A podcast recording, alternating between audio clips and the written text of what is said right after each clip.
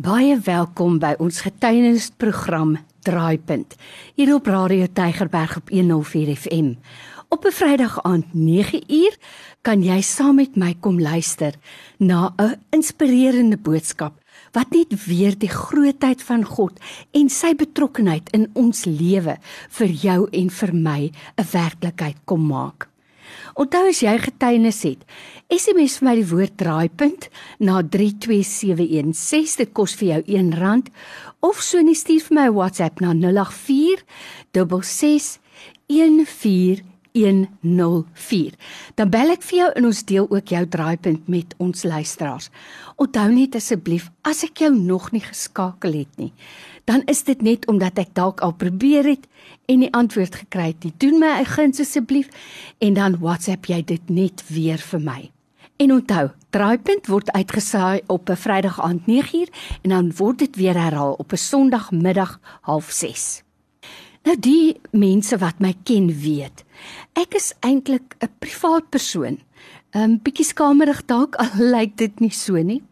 Maar ek gesels nie sommer baie graag oor my persoonlike ervarings nie, tensy ek jou nou beter ken. Maar ek het regtig gevoel ek moet hierdie getuienis met jou deel. Dis 'n persoonlike ervaring wat ek in die week gehad het en dit het regtig vir my geweldig baie beteken. Dinsdagoggend, die 4de Augustus, het ek in die vroeë oggendure wakker geword, so by kwart oor 4, half 5 se kant. En soos my gewoonte is, het ek begin gesels met die Here.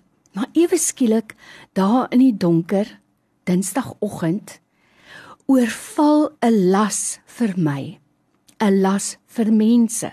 Nou onthou, daagliks in die ateljee kry ek SMS'e en WhatsApps van mense wat regtig swaar kry, maar hierdie was vir my nogal anders.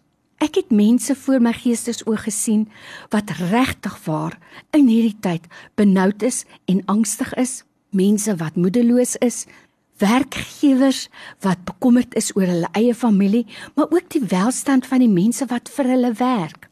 Trouwens, ek het my so ingeleef in die hartseer van mense omdat hulle nou nie kan werk nie al wil hulle of omdat die plek waar hulle gewerk het toegemaak het. Ek het so las op my gehad dat ek met die Here begin praat het en ek het vir die Here gesê, Here, hier is kinders van U wat U dien in opregtheid en in waarheid. sien U dat mense swaar kry. Ek weet jy sê is betrokke, maar dis regtig kinders wat die aangesig soek en hulle kry swaar. Mense is honger, mense is benoud. Hulle kan nie hulle finansiële verpligtinge nakom nie. En weet jy, met een sien ek 'n prentjie voor my van 'n hongerkind. En 'n kind wat nie verstaan wat aangaan nie. En ek sê, Here, wat van die kindertjies? Hier is kinders wat heeltemal deurmekaar is. Hulle enigste normale tyd is wanneer hulle by die skool is. Hulle kry honger by die huis. Daar is geweld by die huis. Daar's verwoesting by die huis. Hulle enigste normale tyd is hulle as hulle saam met hulle maats by die skool is. Hier is hierdie kinders, Here. sien u die kindertjies wat honger is. Kindertjies wat nie weet wat aangaan nie. Here, Wat van u mense wat swaar kry? Weet jy, ek kry so 'n las dat ek daar in die bed lê en ek wil eintlik begin huil. Nou hier skielik in my kom daar toe weer 'n woede op. En ek begin met die Here praat. Ek sê Here, en dan is daar boonop mense van die hoogste dele van ons regering af onder toe wat so korrup is As daar nog kospakkies gegee word vir armes, dan deel hulle dit onder hulle eie familie en vriende uit. As daar finansiële hulp beskikbaar gemaak word, dan vat hulle dit eers en hulle gaan koop motors en skoonheidsbehandelinge. En ek sê, Here, hoe lank sal dit nog aangaan? Daar was soveel beloftes dat die korrupsie gaan stop, maar dit gaan net aan en aan en aan. Here, sien nie dit dan nie? Weet nie hiervan nie? Gaan dit nie 'n einde kry nie? Opregte kinders van die Here kry swaar. Ek word so woedend want ek dink ek sê Here as al die geld wat bewillig word vir die armstes van die arm mense as daai geld net by die regte plekke kan uitkom, kan ons land 'n paradys wees. En die volgende oomblik daar in die stilte in die donkerte kom die gedagtes, die woorde in my op wat sê: Moet jou nie bekommer oor my kinders nie.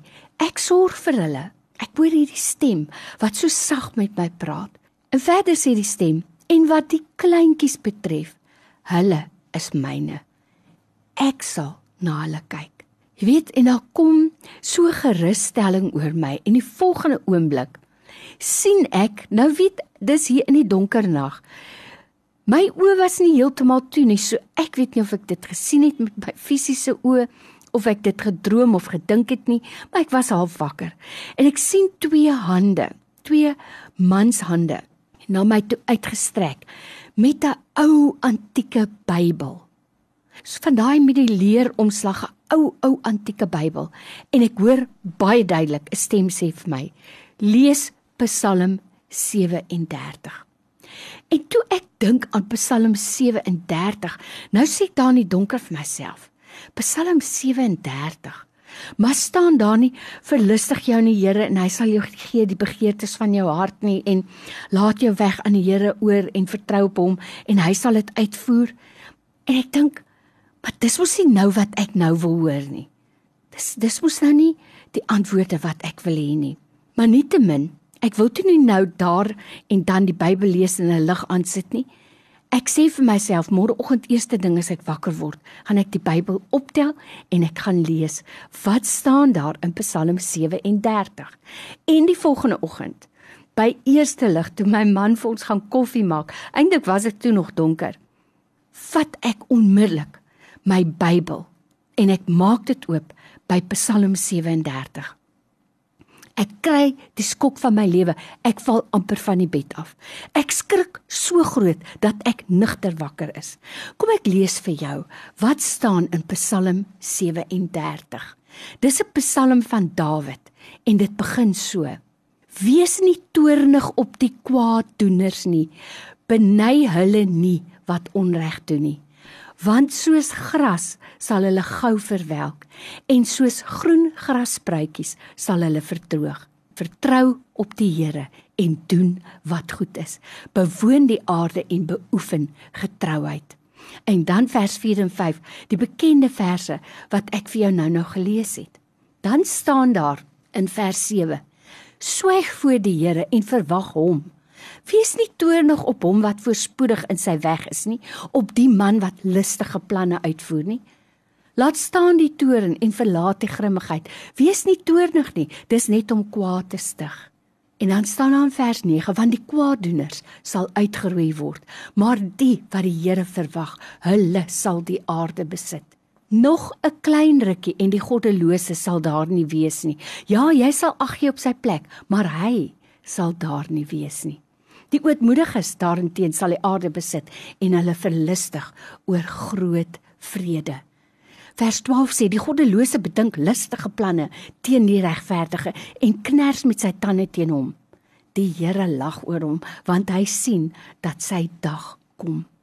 Ag, weet jy, ek het daar het ek die Here so geloof en geprys en ek het net besef ek moet rustig wees en ek moet stil wees. In vers 27 staan daar en ek wil hierdie vers vir jou gee uiteindelik om vir jou te sê wees rustig.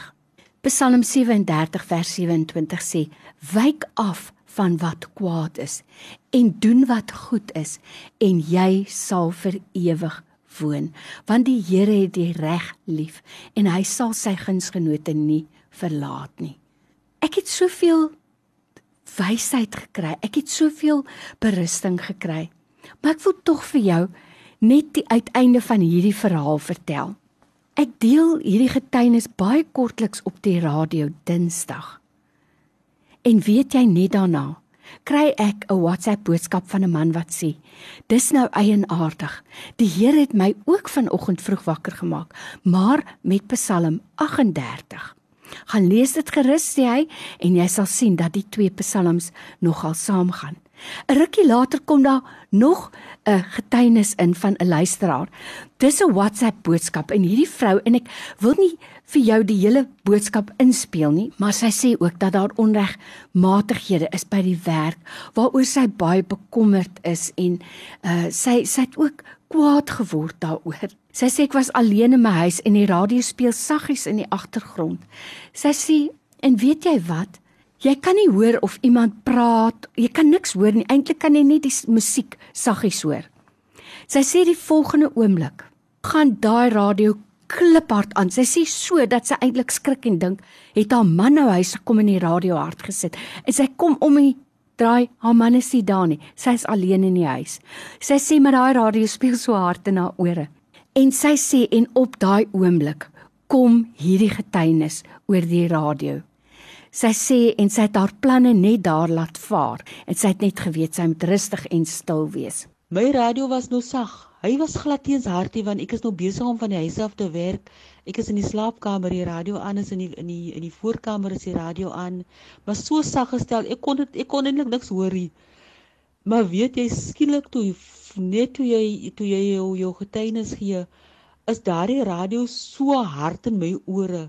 En ek kan nie verstaan en ek, ek dink by myself nee, dit is my man wat huis toe kom want hy sit en luister in die radio en dit is gewoonlik so hard. Ek kan hoor wanneer hy daar buitekant is en ek gaan nou kyk of dit nou hy is wanneer ek wil die deur oopsluit. En ek kom in die voorkamer en daai radio is so hard aan en ek hoor daai getuienis. En weet jy wat ek saam met die Psalm 37 gaan lees nou? Ek kan net vir die Here prys en ek kan net ek sit nou hier met 'n geruste hart en ek weet die Here het ons gebede verhoor en die Here het vir my gesê wees gerus. Julle gaan oorwin, julle gaan regkom en en julle sal julle werke bly hou. Maar God is so getrou. Baie dankie Lorraine vir daai getuienis. En ek weet nie wat dit is nie dat daai radio skielik op daai oomblik so hard gewees het nie. As dit die God is, nie, wie was dit? Wie was dit wat wou vir my ook wou gerus gestel het? Maar net God. Baie dankie Lorraine, die Here seën u man. U hoef nie hierdie getuienis te speel nie. U kan dit so kortliks deel as u wil, maar u hoef dit glad nie te speel nie want ek weet dit is baie lank. Baie dankie. God seën u. Baie dankie vir Radio Tygerberg en baie dankie vir al die gebede wat so uitgaan. Prys die Here. Amen. Ek kry 'n e-pos van iemand wat sê: "Ek kon ongelukkig nie self na jou boodskap luister nie, maar my vrou het my vertel van jou gebedsversoek en verwysing na Psalm 37." Ek glo nie jou storie kon op 'n beter tyd in my lewe wees nie.